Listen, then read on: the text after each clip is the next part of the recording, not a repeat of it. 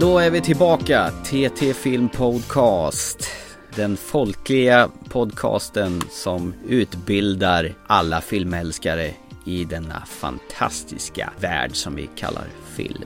Vi lägger ut det med vulgärt eh, broderi den här gången alltså. Eller hur? Jag kan säga det den här gången. Jag sitter ju nere i källaren och spelar in podd. Mm. Det var jättejobbiga steg ner för trappan idag. Det brann på framsidan, eh, på, på, på benen. Jag sprang ju Lidingöloppet igår. Och gick riktigt bra också hörde jag. Ah, hyfsat i alla fall. Femte svängen här och eh, nej men det, det var ett av de mindre jobbiga loppen kan jag säga.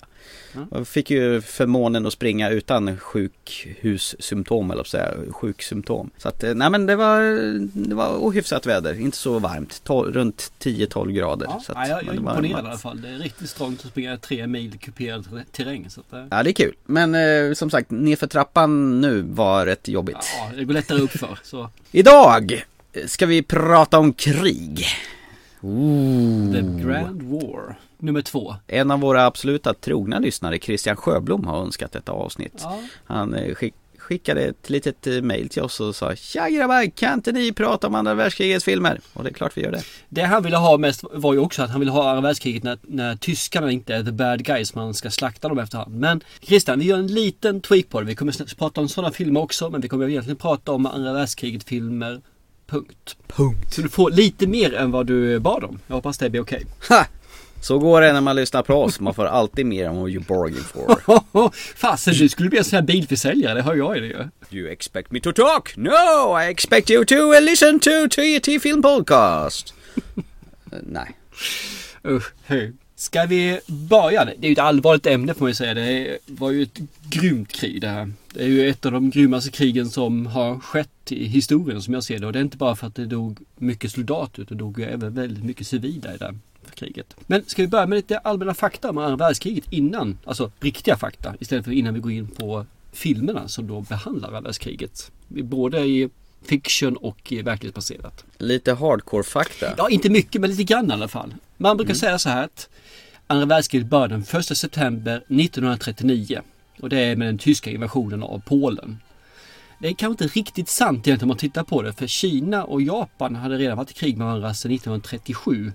Men man kan, kan se det som en, ett eget krig innan alla andra drog igång. Eller så gör man, ser man det här för att det var Europa som började sitt slag då. Men 1 september 1939. Sen har man nästa del och då är det slutet. Och slutet brukar man säga också finns två slut med givetvis. Det ena är ju när Berlin erövrades av de allierade och tyskarna kapitulerade och det var den 8 maj 1945.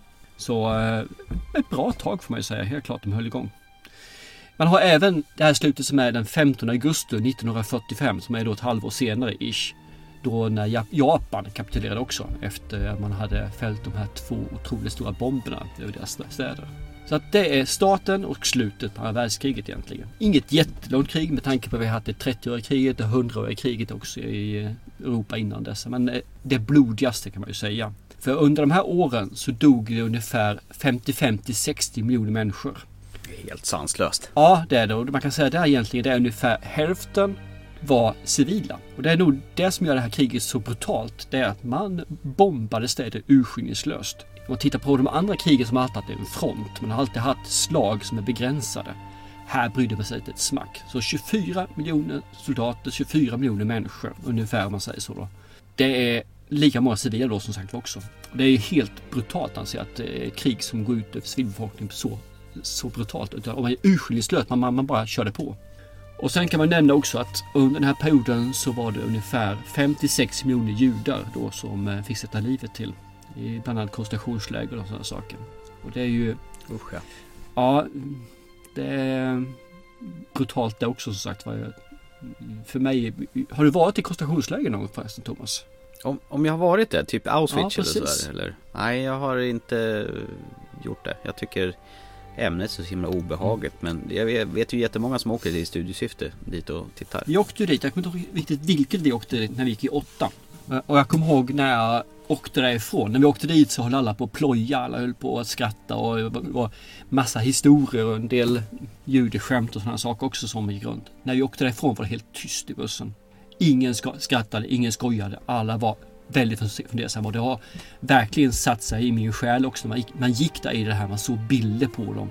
Det, man lyfte bokstavligen dem med hjulastar alltså. Man hade grepar som man lyfte upp med de här döda människorna och kastade dem i eh, stora massgravar. Det tog mig fruktansvärt hårt faktiskt när jag såg det här. Mina söner ska någon gång gå och åka iväg och besöka ett av de här eh, koncentrationslägren. På ett eller annat sätt ska det bli. Mm. De behöver se det. Alla behöver se det tycker jag. Ja, ja, herregud. Jag menar, det finns ju till och med folk som påstår att det där har ju aldrig hänt. Ja, vilket är helt horribelt. Men, ja, ja. Och det är därför de måste ha besök. För nu börjar de levande att tyvärr försvinna. Det finns bara ett fåtal kvar som kan berätta om mm. att de var där. Så nu måste man verkligen se till att det här sätter sig i nästa generation också tycker jag. Mm. Det är väl där filmbranschen kommer in och har gjort rätt mycket film om Ja absolut och kommer nog fortsätta också. Hoppas jag. Det är ett starkt ämne. För att förstå lite grann hur mycket tragedier som spreds över det här så kan man säga att 1944 under det året så släpptes det 750 000 ton bomber över enbart Tyskland. Oj. Och det var bara ett år, det var i slutet då som sagt var. Så jag har tyvärr inte hittat någon siffra som är hur mycket bomber som släpptes under hela andra världskriget totalt. Men det här är alltså bara över Tyskland under ett år, alltså 1944. Eh, går vi så in på de här stora, det som egentligen fick, eh, ja vad ska man säga, slut på kriget för gott med Japan så är det atombomberna ju. Eh, vet, vet du vad de heter? Eh, Hiroshima? Ja, det är staderna. Hiroshima och Nagasaki är staderna. Men bomberna hade faktiskt ett namn också. Eller varsitt namn. Det vet jag faktiskt inte. Eh, första bomben hette Little Boy och fälldes 6 augusti 1945 klockan 08.15 över Hiroshima. Vill du läsa så finns det jättefina ställen man kan rita. Man får alltså en dagbok precis, eh, inte minutiöst men väldigt bra klock, ytterligare klockslag. Från att de lyfter med planet som då är 12 ton tyngre än det normalt ska vara. Till att de då fäller bomben och till, att de, och till sist att de landar då. Och hur folket känner sig i planet och att de egentligen inte vet ett enda smack vad de bär på förrän precis innan de ska fälla bomben. Det är bara en enda person i planet som vet vad det här är för bomb. Alla andra är helt ovetande och vet bara att det är en stor bomb. Tre dagar senare så fäller man nästa bomb över Nagasaki. Och det är Fatman, heter den bomben. Och den här bomben har ju inte fått lika mycket uppmärksamhet. Den missade målet med 3,5 kilometer. Eh, gjorde ändå fruktansvärt skada ska man ju säga. Faktiskt det jämnade hela den här staden med marken. De som flög hem med det här planet de klarade sig med enbart 25 liter bränsle kvar i tankarna. Så det var precis att de lyckades ta sig hem igen. Jag vet inte beröra, det är egentligen berört lite grann från början till kriget och slutet och däremellan så finns det oerhört mycket grymhet och lidande. Och det vill jag inte beröra just nu utan nu skulle jag vilja gå vidare till de filmerna som finns eh, som beskriver detta istället. Både på ett lite mer actionbetonat sätt och lite mer eh, så här, dokumentäraktigt. Nu blir det lättsamt som fan istället. Nu, nu blir det lite mer lättsamt, absolut det tycker jag. Nu tar vi liksom upp den här mörka tonen. Jag fick nästan ont i magen nu berätta om allt det här. Ja, jag tänkte vi börja med det. För det, det är ändå, världskriget är ett tungt ämne. Och sen så tycker jag att man kan göra lite grann vad man vill med ämnet i sig. Men kärnan är fortfarande ett brutalt ämne. Jag tycker det ska förhandlas som det är. Men eh, då går vi över på vad själva filmvärlden har lyckats eh, göra av detta otäcka. Den första filmen som jag har kommit i kontakt med egentligen, om man säger årtalsmässigt, mm. är ju Casablanca. I grab Bugatti, then she walks in. Well, that's the way it goes. One in, one out. Sam. Yes, boss. It's December 1941 in Casablanca. What time is it in New York? What? My watch stopped. I bet they're asleep in New York. I bet they're asleep all over America. Ja just det, den svartvita med Ingrid Bergman och... Eh, eh, vad fan heter han? Jag satte mig på pottkanten här ju. Humphrey Bogart. Tack. Ha. Inte göra sådär. Play it again Sam. Den här filmen har jag sett för jätte, jätte, jätte, jätte länge sedan. Men du kan aldrig någonsin fråga mig vad jag tycker eller vad den handlar om. För jag kommer inte ihåg ett enda smack om den här filmen mer än det jag har hört av andra. Från andra personer eller i filmer eller sådana saker. Så Play It Again Sam, det är en sån här sak som, som återspeglas. Men det är den första filmen som jag vet som jag känner, känner till som behandlar världskriget i alla fall. Från Marocko? Ja, var det Marocko var det kanske ja? Ja. Ja, Casablanca ligger i Marocko. Ja men då är det säkert där. Absolut, då är det rätt. Jag har inte en aning som sagt var. Jag har faktiskt varit i Marocko en gång och var, var inte så många mil från Casablanca. Vi var i det här Marrakesh och det Mm. kanske bara är ett, ett par mil därifrån. Okej, okej. Coolt. Men vilken är den första andra världskrigsfilmen du har sett? Och du menar åldersmässigt totalt Nej, sett? egentligen första du såg tänkte jag för, faktiskt mest på. Ja men eh, det var mer lättsamt faktiskt. Mm. Det var ju faktiskt 12 fördömda män. Sergeant, what's the matter, number 11? I got a pain. Where does it hurt? Well, I'll tell you, it's, uh... I wish you would, and do it correctly, please. Well, I don't have to say, sir. I, uh... To you or anyone else, and I don't have to march either. And I know the rules. Why don't you have to march? because condemned men don't have to drill. and there's nothing you can do about it, mister. What's your name, son? Eleven. Look, you little bastard, either you march, or I'll beat your brains out. Understand? Ah, Från 1967. Eh, Det är ju en historia. Mitt under andra världskriget så är det en major som får i uppdrag att träna och leda 12 fördömda män från ett fängelse och gå på en sån här mordturné. Mm. För att döda tyska officerare. nästan lite Inglourious Basterds över hela va? Ja, det är väl kanske någon sån här föregångare kanske till Inglourious Basterds. Där vi hade stora namn som Lee Marvin, han var väl den här eh, majoren då. Och som eh, tar på sin lista har bland annat Charles Bronson och Ernest Borgnine och så vidare. Ganska charmig humor och en och hyfsat rå film, vad jag minns. Det finns ju de här Kellys hjältar också, den var lite mer humor och så vidare. Men den här är ju action och lite kul, har jag för mig. Bra länge sedan jag såg det. Ja, det var jättebra länge sedan. Och det är ju en sån här film som eh, Storyn är återkommande i alla dess former egentligen. Men, men just den här 12 fördömda män är ju riktigt, riktigt bra alltså. Den, den första filmen jag såg var faktiskt eh, Järnkorset. Eller Cross of Iron. Eh, den såg jag egentligen, inte av misstag tänkte jag säga egentligen, men utav en tillfällighet. När vi gick på högstadiet så fanns det så skolan anordnade en, en bioklubb. Ja. Då fick man se, tror det var fyra eller fem eh, filmer. De här var sex eller åtta filmer var det förresten, jag tänker efter. Under en termin. Och eh, då fick man köpa sådär biokort för 45 spänn tror jag. Så fick man se alla filmer för det. Eller så kunde man välja att betala 20 spänn per biobesök eller vad det var för någonting. Och det här var en av de filmer som dök upp. Jag tror det var första eller andra filmen de visades var det Järnkorset. Och det var en, för att gå i sjuan och se en sån här film så var den ganska tung faktiskt. Alltså det här handlade om två stycken officerare varav en då har börjat tröttna på det och börjat ifrågasätta egentligen det här kriget och eh, egentligen den, den riktning som landet tagit med Hitler i spetsen då. Och samtidigt har man en mer en adelsman då som han, är en riktig strävare. Han strävar efter att få det här högsta emblemet som finns då. Det är Cross of Iron som man får som en helhetsbetydelse att man verkligen har gjort någonting för landet. Och de här två intressena, de här två personerna, de eh, krockar ju i den här filmen. Det är en fruktansvärt tung film, i alla fall för en person då som är 14, 13-14 år och ser den här filmen. Men det är en film som jag tror jag skulle uppskatta mer idag än när jag såg den då för 30 år sedan. Du har inte sett den sedan dess? Nej, det har jag inte gjort faktiskt. Men den satte sig ganska brutalt i huvudet på mig faktiskt. Ja, det måste den ha gjort. Ja, den poppar upp ganska mycket när jag börjar göra lite research också inför världskriget här. Och den här är, ja, den, den eh, tror jag ska se om faktiskt vid tillfälle. 1977 är den från. En av andra sådana här tidigare filmer som eh, utgör hotet från den japanska sidan. Det är ju den här Bron över floden Kwai från 1957. Ja.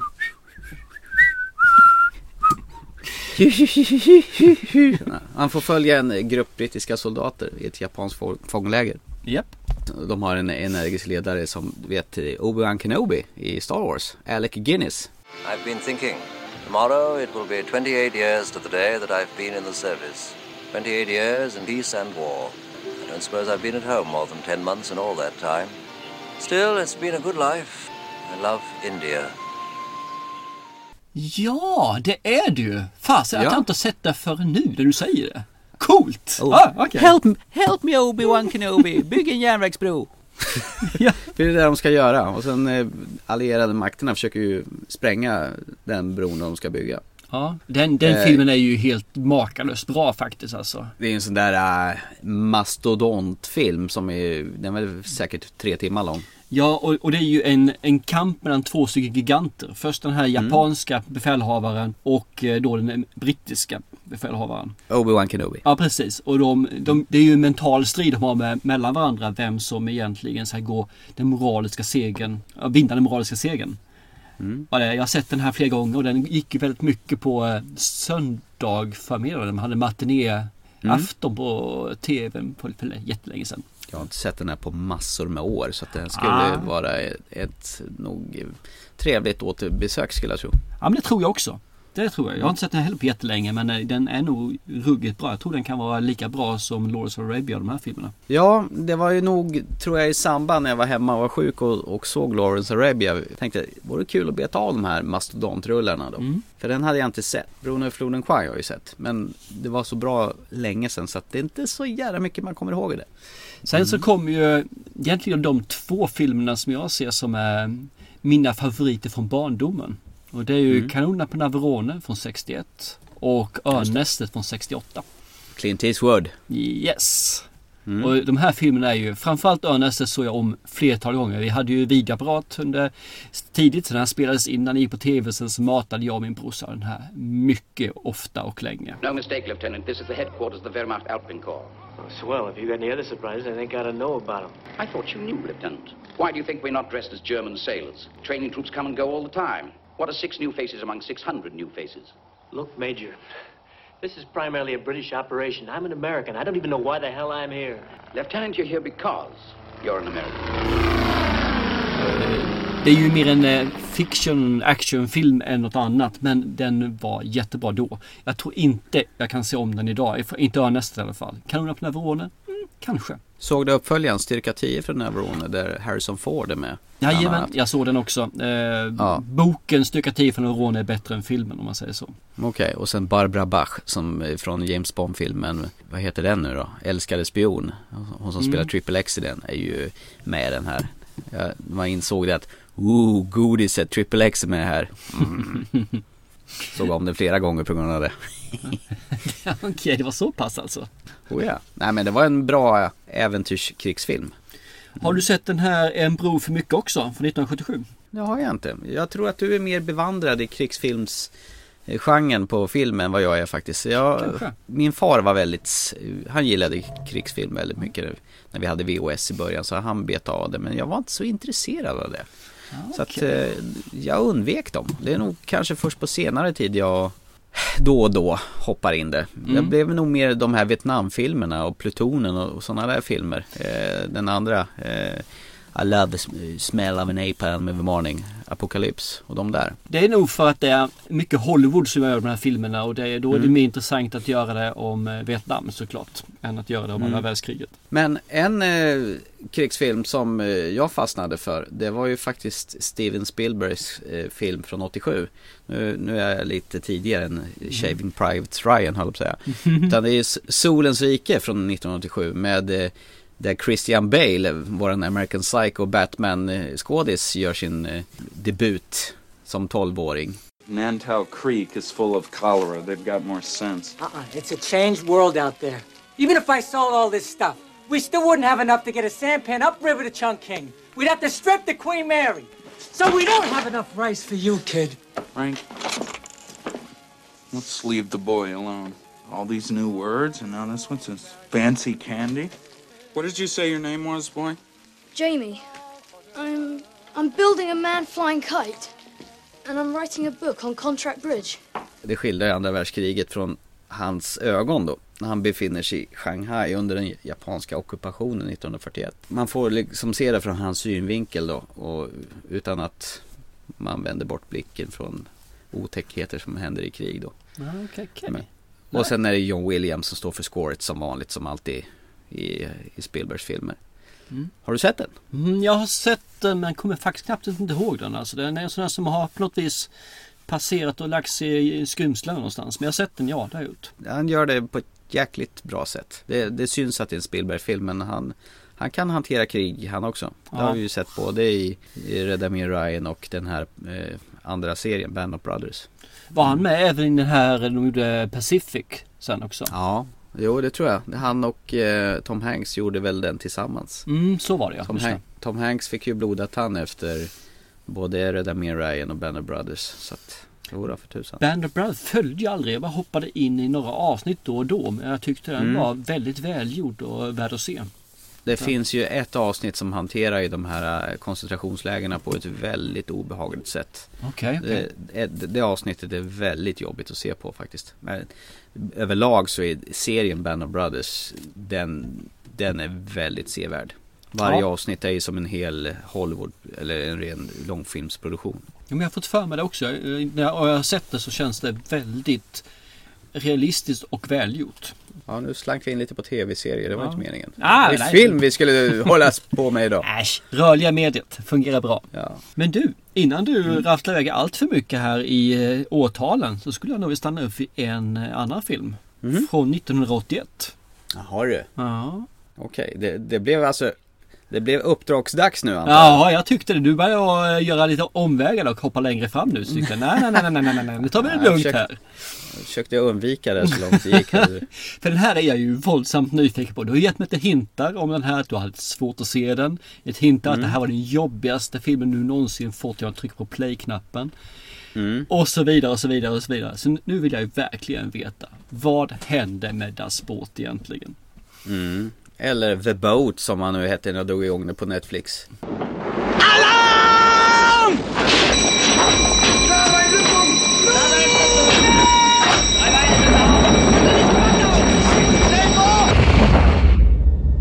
Untertriebszelle ausdrücken. Übung ist das halbe Leben. Nur kein Moos ansetzen. Probealarm. Boot ist durchgependelt. Entlüftung schließen. Eller ubåten på svenska. En tysk krigsfilm faktiskt. Som, eh, från 1981. Eh, som skildrar livet på eh, ubåten U96 under andra världskriget. Man eh, lämnar den franska staden Ra- La Rochelle. Eh, där eh, den här tyska besättningen har varit på bordell. Och super sig dyngraka kan man säga.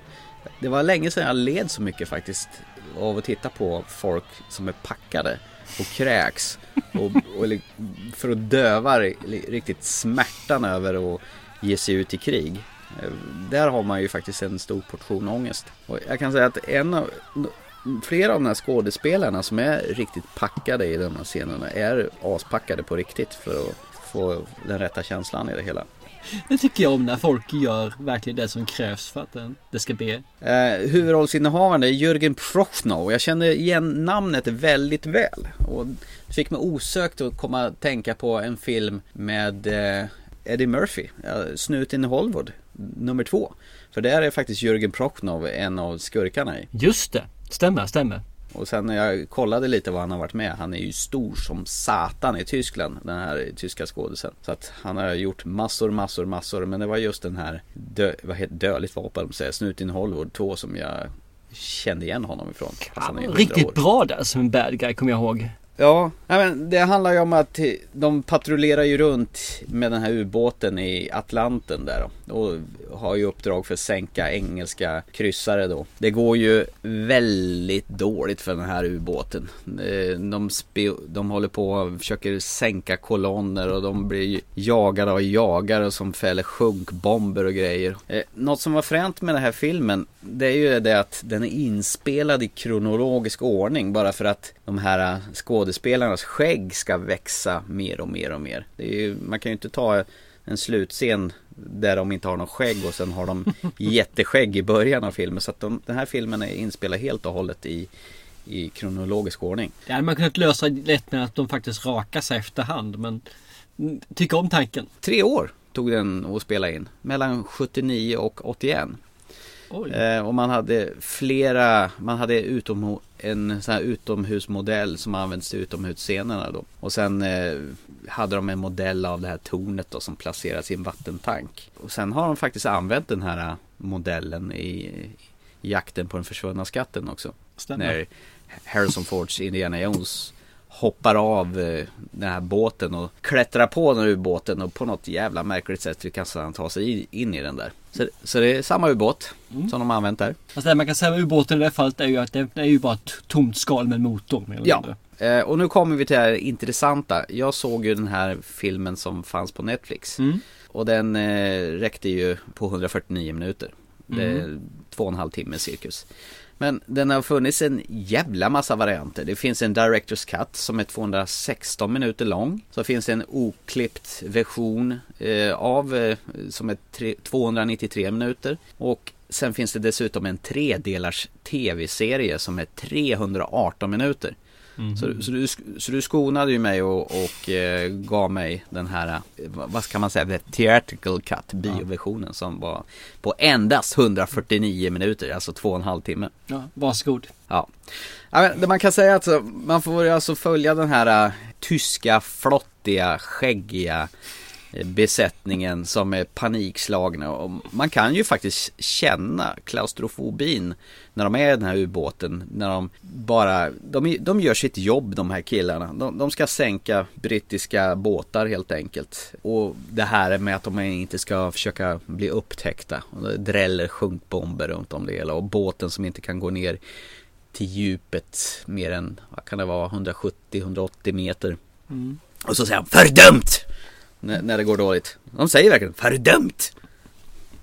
Kaptenen Jörgen Proktnov tar ödesdigra beslut och, och besättningen spårar ur och flippar ur och speciellt de, deras ubåtsmekaniker som, som flängar ur och vill vill bara därifrån och Sluta!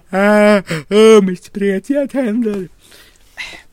Eh, Man, man får tänka på att filmen är från 1981, tv-serien filmen. Eh, det finns lite så här tackiga blue screens när man ser dem när de är uppe på kommandobryggan och det, det skvätter vatten på dem i sidled och man ser det här suddiga bakgrunden. Det, det får man väl lägga lite åt sidan. Eh, initialt så var jag jävligt skeptisk till den här med tanke på att jag för typ 20 år sedan kanske, 25 försökte mig på den här och kom bara en halvtimme in i filmen och, jag, och gav upp och kände att nej fy fan det här skiter vill inte jag se. Men, Då förstår nu- ditt avbogda intresse när jag gav den här som uppdrag. Ja, jag bara nej fy fan inte den här igen och den har stått i min bokhylla och blivit superdammig. Så den, den står där någonstans på sån här videotrade eller vad, vad fan det nu heter. Jag vet inte vilken version av det jag har där uppe men jag tog Netflix-versionen för den var den som skonar mig mest. Men, men det, det är en jävligt, det är ett tight kammarspel det här. Det är jävligt klaustrofobiskt och man verkligen känner med de här tyska eh, besättningarna att fan vad dåligt de mår där. De är på det trånga utrymmet och den här båten är ju inte riktigt Den känns sliten och bultar far, flyger sönder om man går ner för djupt i vatten. Trycket blir för högt. Man hör det här ekolodet från de här eh, jagarna som är ovanför. Och de försöker vara så tysta som möjligt och ändå blir de upptäckta. Det, det är fan jävligt tight och spännande faktiskt. Bara för att göra det lite enklare för dig också ska jag berätta att jag har faktiskt sett om den här också inför avsnittet. Alltså du har gjort det? Ja, så Ja. Jag, jag joinade det här liksom och eh, la ner två och en halv timmes jobb på att titta på den här filmen. Det, det filmen torskar lite grann på det är det när man ska se att båtar åker ovanför ubåten. I grönt vatten. Väldigt grönt vatten. Eh, det är speci- specifika scener där det ska vara övertydligt att man ska se båtarna. Då, då är hela havsvattnet i en konstig färg och så ska ubåten vara flera 150 meter under och ändå ska det se ut som att den sticker ovanför en. Det ska vara väldigt övertydligt att nu är båten precis ovanför ubåten och drar iväg sina sjunkbomber och så. Det tycker jag är lite pajigt. Men om man bortser från sådana här detaljer så, så är det faktiskt en riktigt jävla tight, otäck och en... eh, Lite klaustrofobiskt tycker jag den är också faktiskt. Fruktansvärt klaustrofobisk. Och man känner den här domedagskänslan på att det här kan gå hur fan som helst. Det jag däremot inte förstår att deras eh, användning av ubåten som det vore någon jäkla fritidsbåt och vara väldigt mycket på vid havsytan hålla på och kryssa med den som det vore en det, det är ju trots allt en ubåt som ska vara under vatten. Ja, det finns en anledning till det så det finns. Och det är så fort Jaså? du går under vatten med de här gamla ubåtarna så kunde den bara gå på eldrift. Okej. Och batterierna då- tar ju slut. Så därav att de var- går mycket på ytan. Okej, det var det jag missade. Och när de, de ska försöka Nej, det är inget de säger utan det är sånt jag vet. Jag har kört en ubåtssimulator när jag var liten. Aha, då, då kan du såna här grejer. Ja. Och sen när de ska försöka kryssa genom Gibraltar och smyga sig igenom, men då smyger vi oss med, med båten vid ytan också. Mm. Märkligt kan jag tycka. Men den här filmen har ju ett fantastiskt slut som jag bara älskar. Det är ju helt outstanding. Alltså det är en jättegammal film, jag tänker inte spoila i alla fall, men det var ett slut helt och hållet min smak faktiskt. Jag håller med fullständigt. Slutet är helt gudomligt. Ja, precis. Och vet du vad? Jag hade glömt bort slutet. Så för mig kom den faktiskt som en wow. Så det var kul igen. Mm. Eh, ja, nej men eh, den här var inte så dum i slutändan faktiskt. Jag, när filmen fick smälta lite grann. Efteråt när jag hade sett klart den då tänkte jag det här ska han få fan för.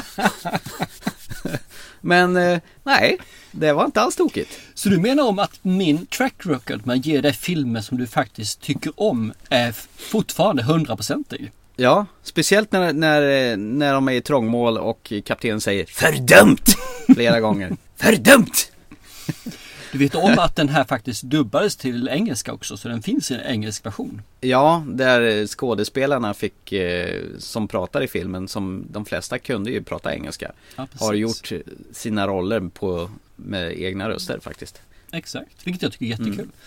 För man fick ju dubba in all röst efteråt för att det väsnades så mycket när man var i uh, ubåten om man säger så. Så att det mm. gick liksom inte att prata. Så all, all uh, dialog har ju dubbats in senare. Även om det är tyska. Mm. Ja, men jag tycker ändå det är, liksom, det är rätt mysigt på vissa grejer. De försöker leva ett normalt vardagsliv där och sätt på den där skivan för att skapa lite hemtrevlig känsla. Då. De har en LP-skiva som de spelar. De sitter, kaptenen och hans närmaste man sitter i kabyssen bara för att komma bort från det här krigets elände och bara försöka trivas i allt elände. Han är ju ganska pragmatisk också. Han vet ju om liksom att engelsmännen är tuffa fiender. Och han vet mm. om att Churchill, han är inte någon att leka med heller. Så att han är väldigt pragmatisk när det just gäller att han kan ju inte se inte som det Third Reich som något stort och uh, oövervinnligt. Utan han vet om att det här krävs svett och tårar bara för att lyckas och många kommer gå härdan. Så han är rätt så luttrad. Jag tycker om det faktiskt. Att, det, att man har, det är rätt så verklighetsbaserat. Han kommer närmare fronten och verkligheten i kriget. Jag tänker på, har du sett någon av de här äh, extra Shohei långa filmerna? Varianterna av filmen? Jag vet faktiskt inte. Jag, jag har ett, ett svagt minne av att jag faktiskt har sett serien. Att den gick i, på svensk television när jag var jätteliten alltså. Och att mm. jag följde den. Men att det, jag är osäker. Det är ett lite mm. höljt, lite dunkel. Ett lite så här gråaktigt du vet i bakgrunden ungefär som eh, i filmen här. Ja. Nej men eh, tack då för att jag, du äntligen fick mig att titta på Das Båt och den var faktiskt inte så hemsk som jag befarade. Eh, det var faktiskt som sagt ett jävligt creepy klaustrofobisk upplevelse faktiskt. Som man känner med de som sitter ombord på den här lilla plåttanken faktiskt. Ja, skönt. Som sagt var, jag är så jävla nöjd med att jag fortfarande håller mig på hundraprocentigt här nu. Att, tycka om, att du tycker om de filmer jag gett dig. Mm. Eh, och det är ju nästan så att Tänk att jag har gett dig för enkla filmer alltså. Det är ju det. Mm. Jag får gräva lite djupare i träsket. Utmana dig mer. Det får du göra. Ja. nice.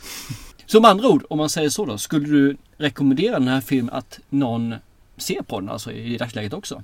Ja, men det tror jag nog absolut. Eh, man får ju som sagt bortse från att eh, vissa effekter kanske inte är up to date längre utan den har ju blivit lite sleten med vissa sådana bluescreens och ja, sådana mm. saker. När vattnet ska piska dem i ansiktet när de står på kommandobryggan och står och skriker där. På det stora hela är den jäkligt eh, intim, intensiv och eh, liten obehaglig pärla det här faktiskt. Och framförallt har den ju ett väldigt välkänt soundtrack till den här eh, U96 syntiga slingan då som dyker upp i princip varje gång ubåten syns ute i havet mm. ovanpå. Som blev han blev nog en riktig sån här, eh, tror jag, technohit på 90-talet har jag för mig. Ja, ja, mm. du har rätt där. Det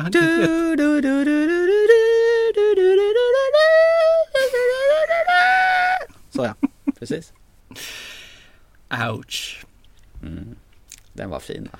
Vi mm. tackar Thomas för den eh, underbara illustrationen av eh, ledmotivet till Das Boot. Mm. Varsågod. Det känns ju nästan lite awkward att ge det någonting tillbaka när vi pratar om krigsfilm här nu kanske. Ja, vi kan väl hålla den tycker jag också. Så kan vi, mm. får du ge det nästa gång. Jag, jag håller med fullständigt där. Att, ja, det känns som det inte hör hit just nu. Nej. När vi håller på det, det var ju en liten fuling att ge det där spåret tänkte jag också. Men eh, i nästa avsnitt får du ge tillbaka då. Ja, då blir det tillbaka kaka med det här ska han få fan för. Nej, så farligt var det faktiskt inte. Så att eh, då ska jag tänka ut något riktigt elakt åt dig. Du förresten, har du sett den här eh, filmen där Stallone är med i faktiskt en andra världskriget film? Victory. Va? Stallone i en krigsfilm? Ja. Nej, det tror jag inte. Rambo? Är han, är han Rambo i den? Ja, nästan. Nej, de sitter ju fast i sådana här fångläger i Frankrike. Jaha. Och eh, det, det, det är en krystad historia för sig. För de ska ju då tävla mot de tyskarna här liksom. I fotboll givetvis. Och eh, se Stallone som en fotbollsspelare känns jättekonstigt. Men de ska ändå göra det. Det är faktiskt en sak här som ju, att jag kommer ihåg den här filmen. Det är för Stallone, han vill vara med på planen men han håller inte måttet. Men samtidigt när har de en plan att när de ska ut och ha det här då eh, matchen mot tyskarna så ska de även kunna bli befriade av fransmännen. Deras eh, resistance. Resistance. Och han är ju den som har kontakten med resistance. Så då är det en film därför att han ska då kunna passa in i, eh, i laget så tyskarna inte ska tro att de, nu är något fuffsen på gång här. Så lägger de en persons arm mellan två stolar tror jag det var och sen så sätter de en fot och sen så ser man hur de sparkar till den här armen så att man hör hur den knakar ihop. Nej, det är nästan som han som lägger eh, tänderna på, eh, med, vad heter den här skinhead-filmen? Eh, X, vad heter den? Ja, Genera- ja, Generation X ja. Heter inte ja, det? något, Det? precis. Ja, någonting med X i alla fall. Ja. Mm. American X. Heter den ju. American History X. Så, tack. Vi, vi fullföljde. där kom det. Ja, visst. Och det är sett det enda jag kommer ihåg den här filmen för den är ganska sådär. Men just den sekvensen kommer jag ihåg. Den är från 81 så att och jag såg den nog när den var ganska ny också. Som gjorde Mm. att jag eh, stod, wow, coolt, typ. Det gjorde ont i dig det va? Ja, lite grann sådär. Eh, Mm. Och så är det kul att ta att Stallone har varit med i en sån här film också. Ja, det hade ingen aning om faktiskt. Coolt. Ja, tack. Då börjar vi närma oss lite, för mig egentligen, så efter 81 när Das Sport kommer, så för mig det är det en, ett decennium med tomhet när det gäller andra världskriget. Jag vet inte om du har något att fylla i där som du har sett eller känner till? Det är väl, eh, vad heter den, tunna röda linjen för den kom ju 98. Så Ja. det är ju väl, väldigt mycket. Det är också återigen det här med japaner. Det är mycket japaner i, i mitt filmtittande. När De försöker, det är ett kompani som försöker förhindra att japaner försöker komma in till Stilla havet. Det är med stora så här Hollywoodskådisar som bland annat, eh, vad heter Madonnas eh, man, Sean Penn var med. Ja. Det är väl en sån där jag har lite som ligger och skvalpar i bakgrunden där. Ja, Okej, okay. för den som kommer för mig före det, det är ju Schindler's list 93. They say you are good. Who says that? Everyone.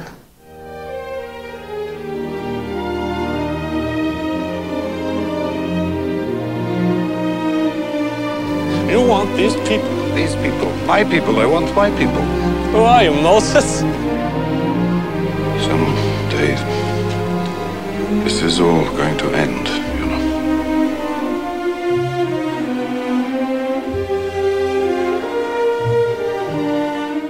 Det är nästa film. Och det är ju också sån där... Här, nu går vi ner i källaren vet du, när det gäller vad man, hur man mår efter man ser en film. Ah, man mår ju inte bra direkt när man har sett den. Och den här filmen har jag bara sett en gång. Jag med och- och jag vet inte fan om jag vill se om den här. Nej, jag känner detsamma. Utan den här filmen är nog en film man ser en gång. Men har man inte sett den så ska man nog banne mig se den, tror jag. För Och den är, Liam Neeson spelar huvudrollen. ja, han gör ju en ofantligt bra roll också ju. Han- Det är ju Ja. en av de bättre roller han gjort, Liam Neeson, tycker jag. Det är inte riktigt I have a certain set of skills I will find you and kill you. Ja, nej, där har han passerat sedan länge högsta, bästa Ja. datum om man säger så. Och Ralph Fiennes är med i den här också. De är lite snarlika i den här filmen faktiskt. Både Liam Neeson och honom. Fast eh, Liam Neeson spelar ju Oscar Schindler. Och sen eh, spelar ju Ralph Fiennes den här elaka jävla tysken. Mm. Amon Gött. Och, och filmen är svartvit. För Ja. att göra en ännu mera otäck. Och där finns det ju den här underbara scenen, eller scenen, bilden som finns då. Det är ju alltid svartvitt förutom den här flickan som har den här röda kappan på sig. Ja precis, det är väl enda som är färgklicken Mm. överhuvudtaget i den här filmen. Det, man kan säga att det är ju byggt på en verklig händelse. Schindler är då en affärsman som är, ja, han är väl riktigt eh, framgångsrik kan man säga så. Upptäcker liksom att det här är ju inte rätt. Det här är inte som eh, vad jag vill att jag ska ställa upp på liksom. Så han börjar ju att rädda folk via sin verksamhet. Jag vet inte hur många han lyckas rädda men det är väl tusentals va? han eh, lyckas få undan det. Jag jobbar väl i hans fabrik eller någonting sånt där har jag för mig. Ja, precis. Och sen så lyckas han ju smussla undan dem efterhand då liksom. Ja, Jag, kommer ihåg när han gick ut från den här filmen att det var ju med magknip. Jag såg den här också förresten i, eh, via skolan faktiskt. Jag kommer ihåg som sagt var magknip och man mådde riktigt dåligt. Men ändå, jag tycker om sådana filmer som ger känslor. Även om det är känslor som gör att jag inte är glad. Som jag inte vill Mm. hade sett den här filmen. Så tycker jag om filmer för de berör. Mm. Och jag kanske, kanske se om den här filmen en gång till. Tillsammans med mina barn. Men eh, vet inte om jag ska utsätta dem för det eller inte. Än. Visste du faktiskt att Steven Spielberg inte hade tänkt att regissera den här själv först utan han ville att Roman Polanski skulle göra den? Just det, men det visste jag faktiskt. Men han Ja, tackade ju nej men- till den. Ja, han hade väl lite för nära band. Jag tror han hade väl föräldrar som hade råkat ut för det ena och det andra. Han bodde till och med i Krakow, gjorde han, Roman Polanski, fram till han var åtta år. Så att han eh, vägrade göra det. Men han gjorde filmen Pianisten istället. i 2002. This is the greatest pianist in Poland, maybe the whole world. No one plays Chopin like you. Hope that's a compliment.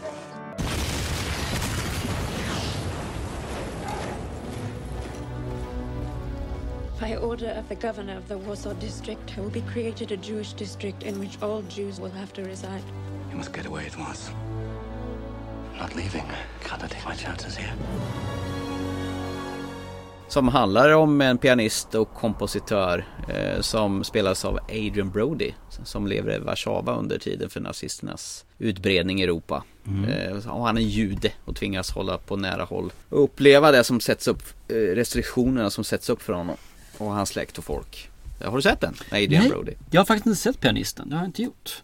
Det, det, det, det är x antal filmer jag inte har sett som jag bör ha sett. Eh, Den här Pianisten är en och Engelska patienten har jag inte heller sett till exempel. Ja, den har jag faktiskt sett. Det är Ralph Fiennes med också faktiskt. Eh, Är den bra den här då? Den här? Pianisten? Ja. Jo, absolut. Den tycker jag du ska se. Mm. Eh, Roman Polanskis gör väldigt tajta filmer trots att han har ett lätt bisarrt leverne privat och gillar unga tjejer och Mhm. så vidare. Han är, han, är, han är ju portad för, för att komma in i USA numera för att han är, de tycker att han är äckelpäckel gubbe. Jag tror han är till och med ställd inför rätta i USA. Så att han Ja, det får kan nog stämma faktiskt. Adrian Brody är faktiskt Adrienne Brody är faktiskt riktigt bra här. Ja. Som, eh, som jude. Eh, mycket bättre än i den här jag såg Predators för ett tag sedan. Där han är stenhård elitsoldat. Men eh, nej men se den här. Den är inte alls dum i huvudet. Ja, Okej, ja, då får jag väl titta in på den sen vid tillfälle. Det kan vara kul. Mm. Jag tror faktiskt den finns på Netflix också jag tänker efter. Det är ju bara att hugga i om man nu eh, vill det. Ja, precis. Eh, har du sett en film som heter Black Book? Nej, men jag har hört talas om den, men jag har inte sett den. Ja, det är våran eh, pervo-vän Paul Verhoeven som gjorde Robocop och Basic Instinct. Je kunt hier blijven, maar je moet wel werken. Hoe zwaarder, Oliver? Ook als het gevaarlijk is. Je hebt die eh Münzen ontmoet in de trein. Alice de Vries. Ludwig Münzen. Hoe ver je met hem willen gaan? Hoe ver? Han gjorde det i början av 2000-talet. Det är en Game of Thrones-stjärna, Carrie Van Houten. Hon spelar en judisk kvinna i Nederländerna. Okej. Hon går med i motståndsrörelsen för, för att hitta personer som har förrått hennes föräldrar när de försöker fly säkerheten till söder. Det, I Holland så slog den pu- publikrekord och blev framröstad tror jag, 2008 som landets bästa film någonsin. Men Oj. eh, ut, utrikes så floppar den. Den uteblev. Det är en riktigt jävla spännande krigsthriller. Så att den tycker jag du ska kolla in. Black Book från Black 2006. Mm, absolut. Det, Den tar jag, det tycker jag. Men du, du hoppar lite långt fram tycker jag. För jag vill ta en som folk verkligen höjt till skyarna. Som sätter som en av de bättre filmerna. Det är ju Saving Private Ryan från 98. Mm. Clear the room! 30 seconds! Got me with you! Port side stick, starboard side stick. Move fast and clear those murder holes. Want to see plenty of beats between men. Five men is a juicy opportunity. One man's a waste of ammo. The sand out of your weapons. Keep those actions clear. And I'll see you on the beach. Den är väl främst, alltså introsekvensen, landstigningen i Normandie. Mm. Det var ju en riktig uppvisning av eh, krigets terror. Och jag tror sådana här gamla veteraner som var med där, de, de satt och grät när de såg den där. Den, den är ju väldigt intensiv i början av filmen. Sen så tycker jag att filmen faktiskt, jag förstår inte riktigt vad folk ser i den som sådan. För den, jag tycker den är medioker som bäst i övrigt. Ja, de är ute för att leta rätt på Damon. Precis. Det är väl fan inget att rädda hem. Matt Ja, Damon. enbart för att hon har förlorat sina andra två söner i kriget. Vem bryr Ja. sig? Ja men alltså, förlåt, alltså, jag får inte säga på det här viset men det är ju krigets faser alltså. Det, man kan inte bry sig om en gammal morsa som har förlorat sina söner. Det är så det är. Och det dör ju en Mm. hisklig massa människor för att rädda den där förbaskade Matt Damon också. Tom Hanks är ju faktiskt jävligt eh, vass i den här filmen. Ja, Han Tom är Hanks är väl ju alltid vass. Han är väl någon lärare som bara blir inslängd och ska försöka ta kommandot som något sånt här befäl. Och de har ju rätt så intressanta dialoger när de pratar om var de kommer ifrån, vad de har gjort tidigare. Mm. Det varvas ju mellan det här krigets våldsamhet med, med hur man ska liksom lära känna karaktärerna. Alltså det här letandet efter, det känns ju ganska bortkastat. Ja, jag känns som det. Det är så krystat på något vis alltså. Det, Har det hänt på riktigt eller är det bara fiktiv historia det här eller? jag vet faktiskt inte. Jag, hoppas det är en fiktiv historia. Det är jävligt snyggt där. Jag vet inte hur många gånger man har kört den introsekvensen för att brassa på på surroundsystemet hemma då när, Mm. när den kom.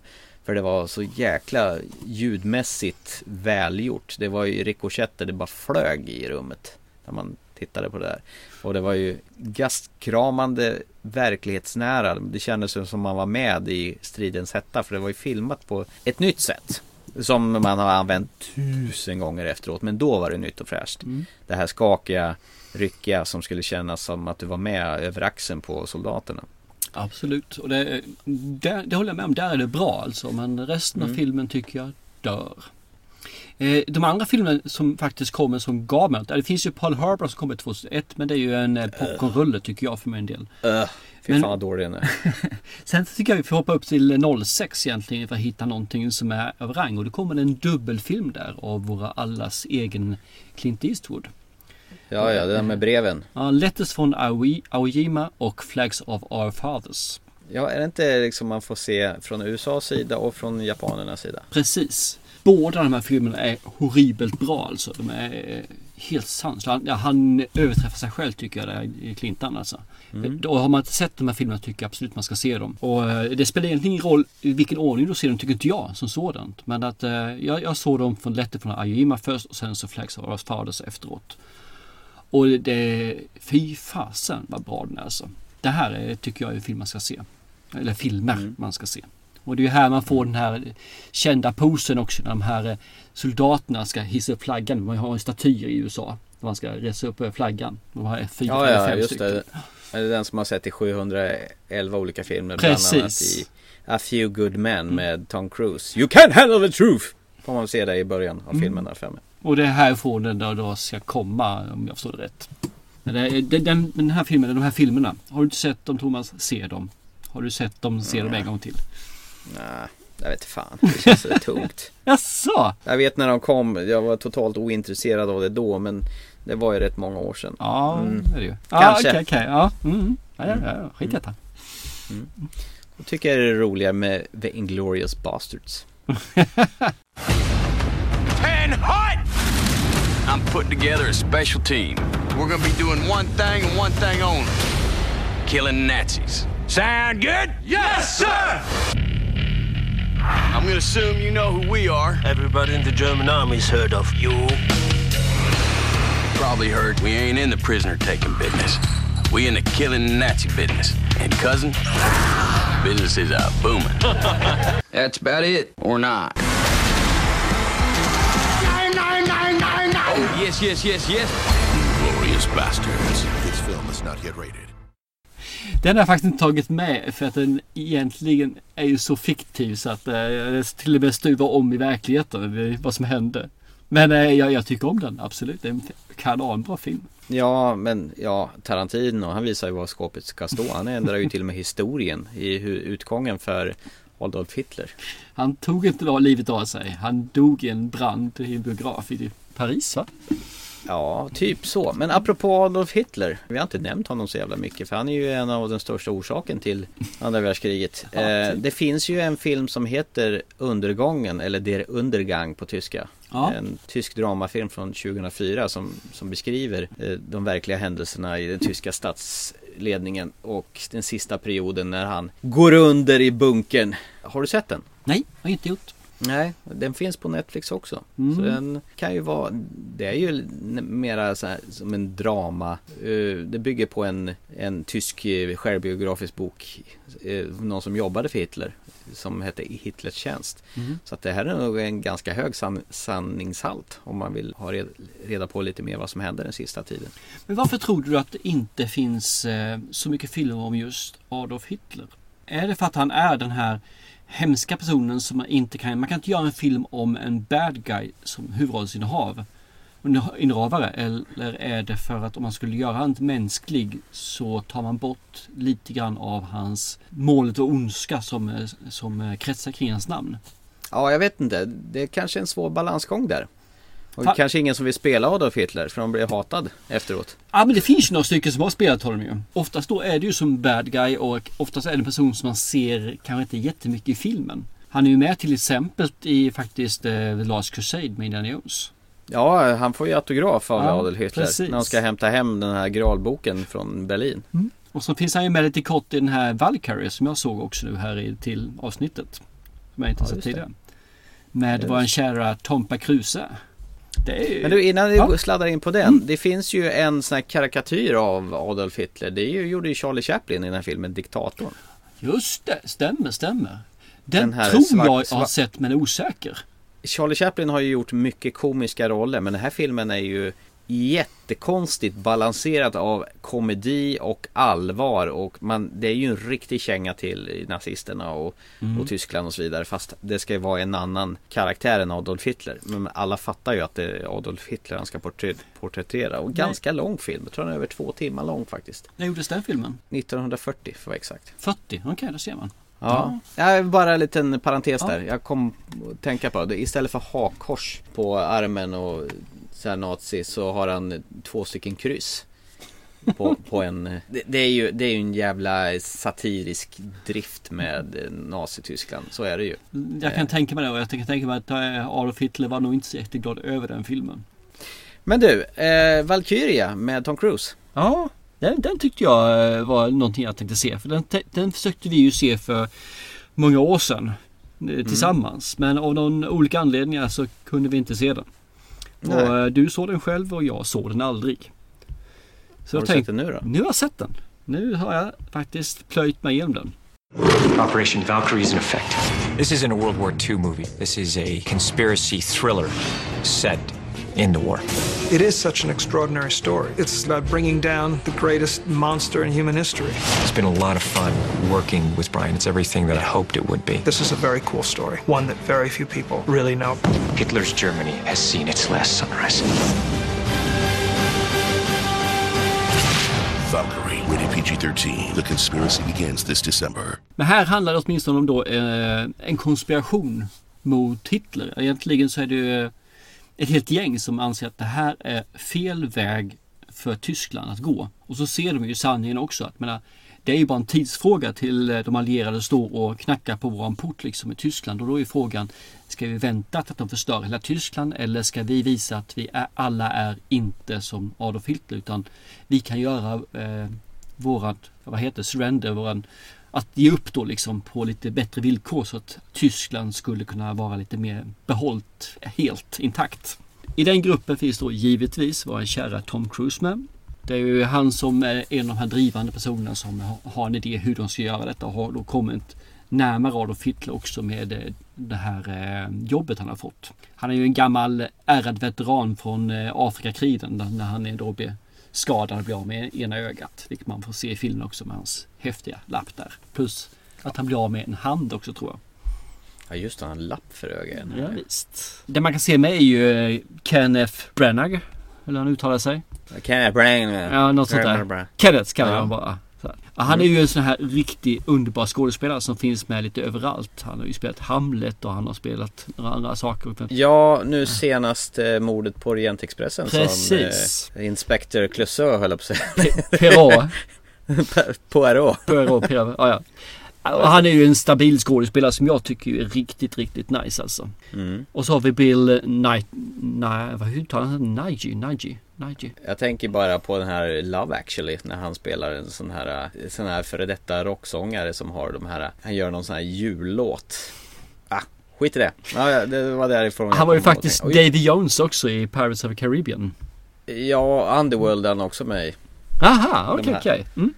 Ja. Eh, De här ska i alla fall driva upp eh, ett scenario där de måste få, de ska ta död på Hitler och sen ska de iscensätta en statskupp. Att det, de ska skydda Tyskland från en statskupp då som SS gör när Hitler är död. Och så ska Mm. man driva vidare på den här då. Och det här då bygger på en verklig händelse. Man vet hur det slutar, mer eller mindre i alla fall i den här filmen. För att eh, Hitler levde ju ett tag efter det här. För det som är sagt Valkyria är liksom en väldigt kort film. Det är ju liksom bara, eller kort film, det är ett kort intervall som den här utspelas inom. Det är ju bara några veckors tid eller några några månaders tid. Så att det blir ganska rapp film egentligen. För att det- det ska hända väldigt mycket under en väldigt kort period. Och det ska mycket planering och det är mycket hitan ditan vad de ska göra för någonting. Och jag, jag, jag tyckte den här filmen var rätt så nice. Det det är ingen sån här överväldigande film i sig. Men det var några ställen man kände liksom att wow, det här kunde verkligen ha hänt. Mm. Och det man säger att det de vet om är ju att jag tror det var 15 mordförsök på Hitler och- som de känner till under den här perioden i alla fall, eller under, under krigets gång. Så han var ju utsatt för krig, eller krig, han blev utsatt för mordförsök hela tiden. Så jag kan ju tänka mig att han var rätt så schizofren där i slutet.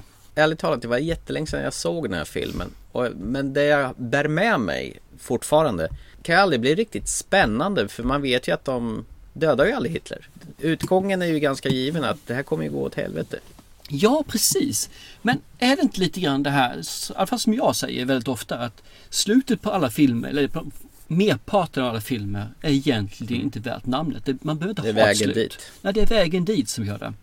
Och när du ser filmer överhuvudtaget som är baserade på verkliga händelser eller på personer, så vet du ju oftast vad slutet är för någonstans. Mm. Men du kan ändå njuta av filmen som sådan. Så ta som du ser den här eh, eh, filmen om Tina Turner till exempel. Det är ju en fantastisk underbar film. Men du vet ju vad som händer. Du vet ju hur hon kommer driva vidare allting där ju. Så, att, Well, slow got to do it. så jag tycker att även om du vet att jag är klart Hitler kommer att klara sig i det här fallet. Så är det faktiskt fortfarande oskrivet om att det kan väldigt mycket om historien då. Vad som hände med de här som eh, körde igång kuppen.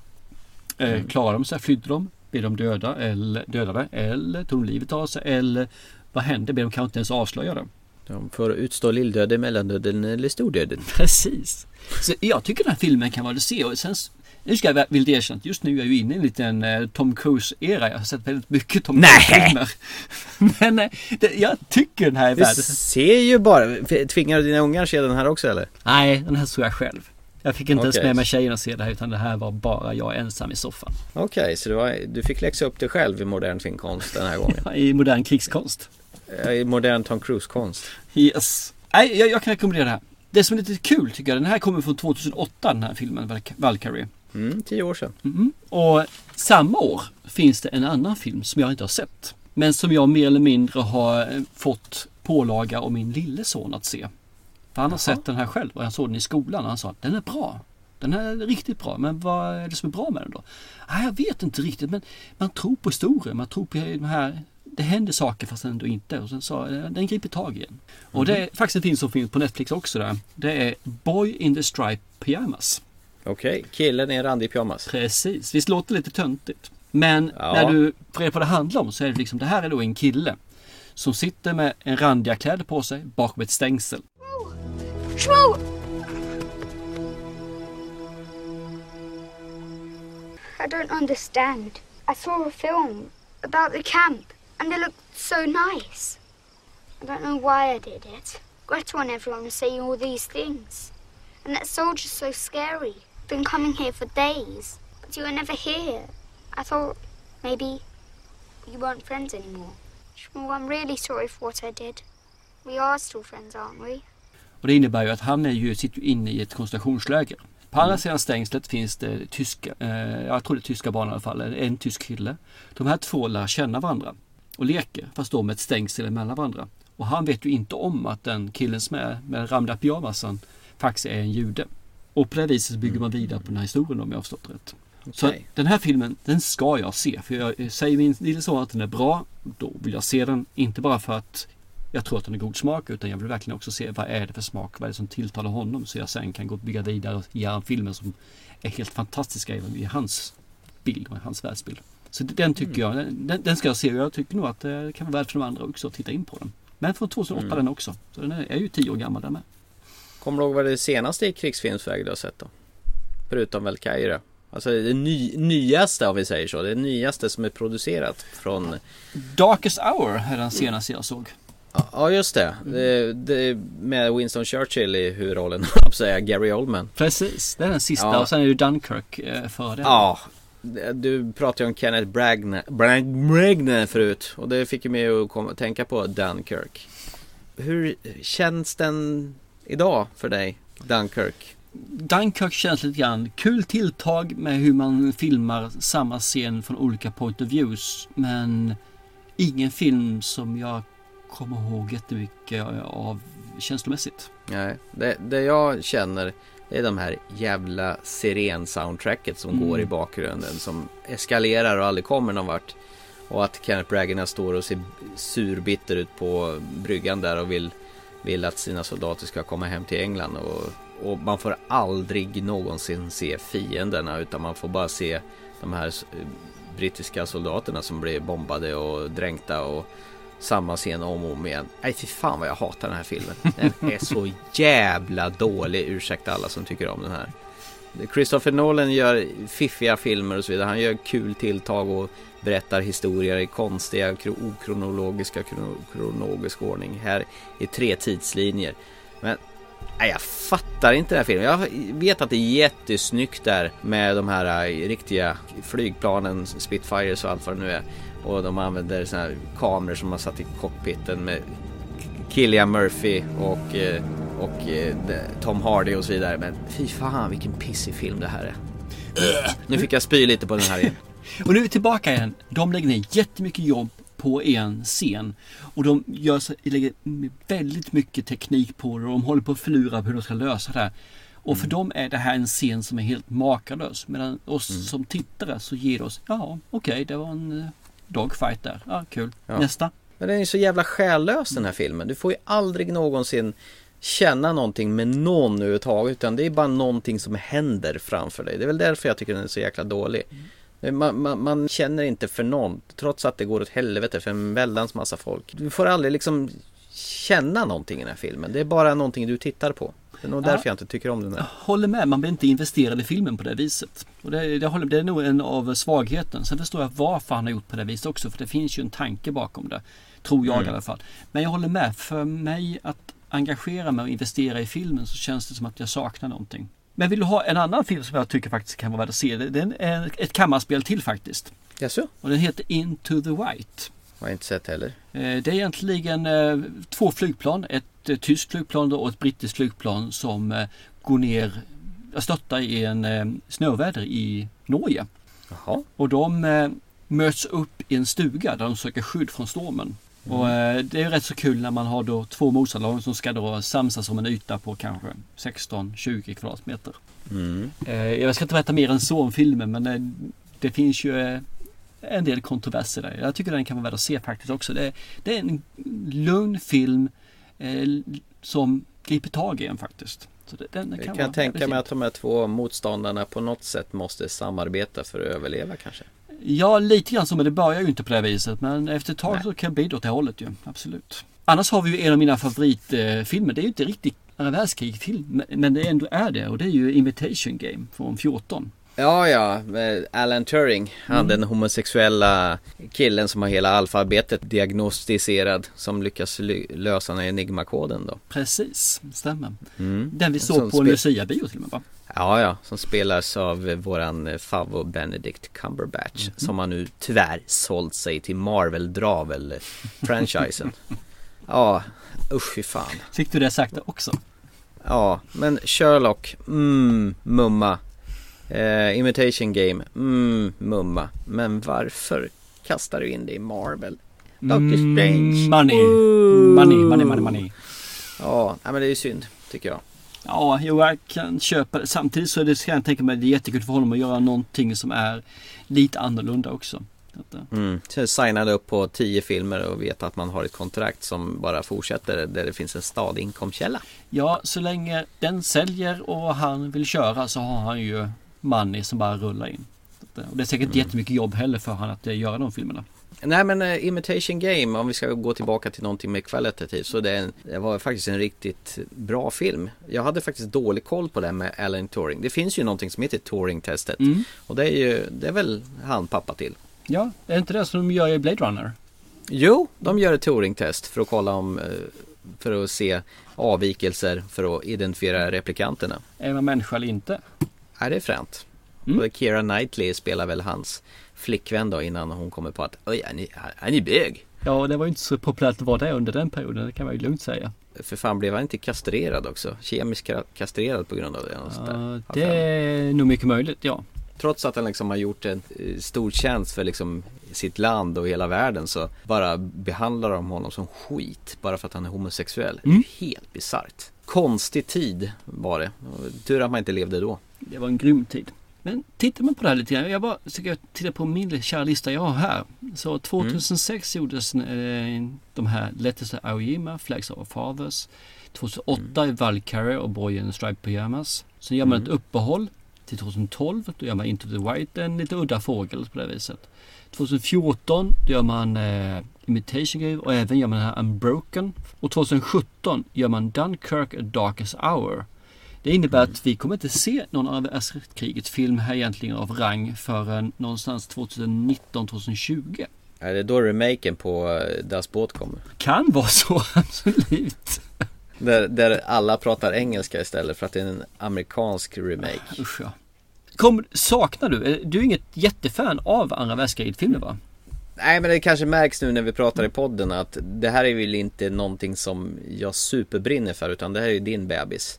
Men visst, jag, jag kan tycka det är underhållande men någonstans så har jag jag har dragit mig för att se sådana här filmer. Jag tycker det är jobbigt att slå på det. Jag vet inte om jag på något sätt det ligger för nära verkligheten mm. på något vis. Jag vill ha verklighetsflykt när jag ser på film. Visst, det är inga fel på sådana här otäcka dramer och så vidare. Men det här är ju så, så jävla horribla saker som har hänt i verkligheten. Så att, nej, jag har faktiskt gått kring eller krokiga vägar för att undvika krigsfilmsgenren så mycket jag bara kan faktiskt. Det har aldrig varit någonting som har riktigt tilltalat mig. Jag springer inte riktigt emot det heller ska jag villigt erkänna på det viset. Men det är ett intressant ämne. Och det är någonting mm. som eh, jag tycker man inte får glömma bort. Och även om man kanske gör det lite mer eh, glamoröst i många av filmerna så tycker jag ändå att det måste berättas. Men nej, ibland är det väl tungt. Det är det alltså. Det är, det är kanske mm. någonting som man inte vill se på grund av som du säger, det finns en verklighet bakom för som är väldigt, väldigt grym och hemsk. Men alltså, finns, ja, ser man de här lite annorlunda filmerna tycker jag, där är de helt okej. Okay. Så Darkest Hour tycker jag är en annorlunda film, den tycker jag om. Eh, Imitation Game är en sån sak också som jag tycker om. Det är när man bygger kanske någonting som är lite mer runt omkring och det. Man behöver inte se de här stridigheterna eh, och se blodet skvätta eller köret om. Sen finns det ju andra infallsvinklar till, till exempel som jakten på den försvunna skatten alltså, som är helt fiktiv. Eller Indiana Jones of the Last Crusade mm. till exempel. Eller Tarantino och sin Glorious Bastards. Om vi ska sträcka oss ännu längre ner till 80-talet till Allo Allo Hemliga Armén till ja, exempel. Precis. Listen to me very, very careful cause I tell you this only once. Och sådana här saker. Så man, det har ju funnits rätt så såna här humoristiska takes på för att lätta upp det här känsliga, brutala ämnet egentligen. Man, man gör lite parodi, lite svart satir på det hela. Ja, finns det? Heter inte något sånt? Ursäkta, var ligger Hollywood och sådana saker? Också en sån här komedi från Hollywood. De skulle bomba Hollywood-skylten för att uh, ta bort spirit från det amerikanska folket. Sen fanns det ju faktiskt en, en tv-serie på 70-talet som hette just Hemliga armén. Som var, handlade om eh, Nazityskland och det kom någon uppföljare som hette Jakten på Kessler kommer jag ihåg. Som jag tittade på faktiskt. Man var ju helt utsvulten på tv-serien. Man var ung förstås. Det, det är nog det de gjorde parodi på. Allå, allå, Hemliga armén sen. Vilket var en rätt så kul serie måste jag säga faktiskt. Ja. Åh oh, René, åh oh, jag vet. Vilket var kul för de hade ju två flygare som eh, de gömde undan hela tiden och aldrig fick komma hem till England. Och det var de enda flygarna som eh, pratade med fransk brytning. ja det var det ja. Och sen var det den med Madonna with the big boobies. I will say this only once. Yes. It's me, Leclerc. Yeah yeah, I know. Ja, det var en kul serie faktiskt. Med det här så är jag rätt nöjd faktiskt med att ha pratat om andra världskriget och jag hoppas att eh, Christian också blir nöjd med det vi har sagt. Även om vi inte kanske riktigt gick in och tog till 100% av hur han ville ha det här avsnittet. Men jag hoppas han blir nöjd i alla fall. Ja, nej men så är det ju när vi poddar. Vi, vi tar ju lite avstickare, lite avkrokar och tar lite kringelkrokiga vägar förbi ämnena. Vi behöver kanske inte ha en helt rak, spikrak, utstakad väg hur vi hanterar ämnet. Men eh, förmodligen så var det väl lite, det var ju väldigt eh, utbildande av dig också. Ja, tack så mycket. En historielektion där och vi gick nog kanske ner lite i till allvarets eh, väg där och blev lite ne- mer nedtonade än vad vi brukar vara. Men det kanske man ska vara när man pratar om ett sånt här ämne. Det är ju sådana här tillfällen som jag också är ganska nöjd att mina söner faktiskt inte lyssnar på det här podden. För då hade jag säkert fått både en och två slappar på handryggen med att jag säkert har sagt några felaktigheter. Så ni som kan mycket om det här så ber jag om ursäkt. Och till andra så är allting jag sagt sanning. Men till nästa gång så är vi tillbaka i vanlig form där vi bara kastar ut oss eh, filmer kors och tvärs. Nya releaser, kanske gamla filmer, biaktuella filmer. Vi ser var, var vi hamnar nästa gång. Var hör vi oss då under tiden? Ja, vi finns lite överallt här. Som sagt var, vi finns på Acast, vi finns på iTunes, vi finns på Facebook och ni vill integrera med oss. Vi finns väl även på Instagram. Och vad heter det andra? Twitter heter det va? Vi finns lite överallt. Eller så tar ni bara så söker ni på TT Filmpodcast eller glöm TT och skriv bara Filmpodcast så hittar ni oss där hela vägen fram. Eller så gör ni så att ni skickar ett mejl till oss. Det gör ni på ttfilmpodcast@gmail.com. Och vill ni som Christian nu ha en gratisfilm, vilket han kommer få skicka till sig, så skriver ni som honom också. Så skriver ni om ett ämne som ni vill att ni ska prata om. Ert val. Knows? Hörru du, eh, vi hörs väl eh, om ett par veckor igen så kommer tillbaka i vår allra bästa, tjusigaste form till nästa avsnitt. Ha det fantastiskt och uh, se en film. Hej då! Chip,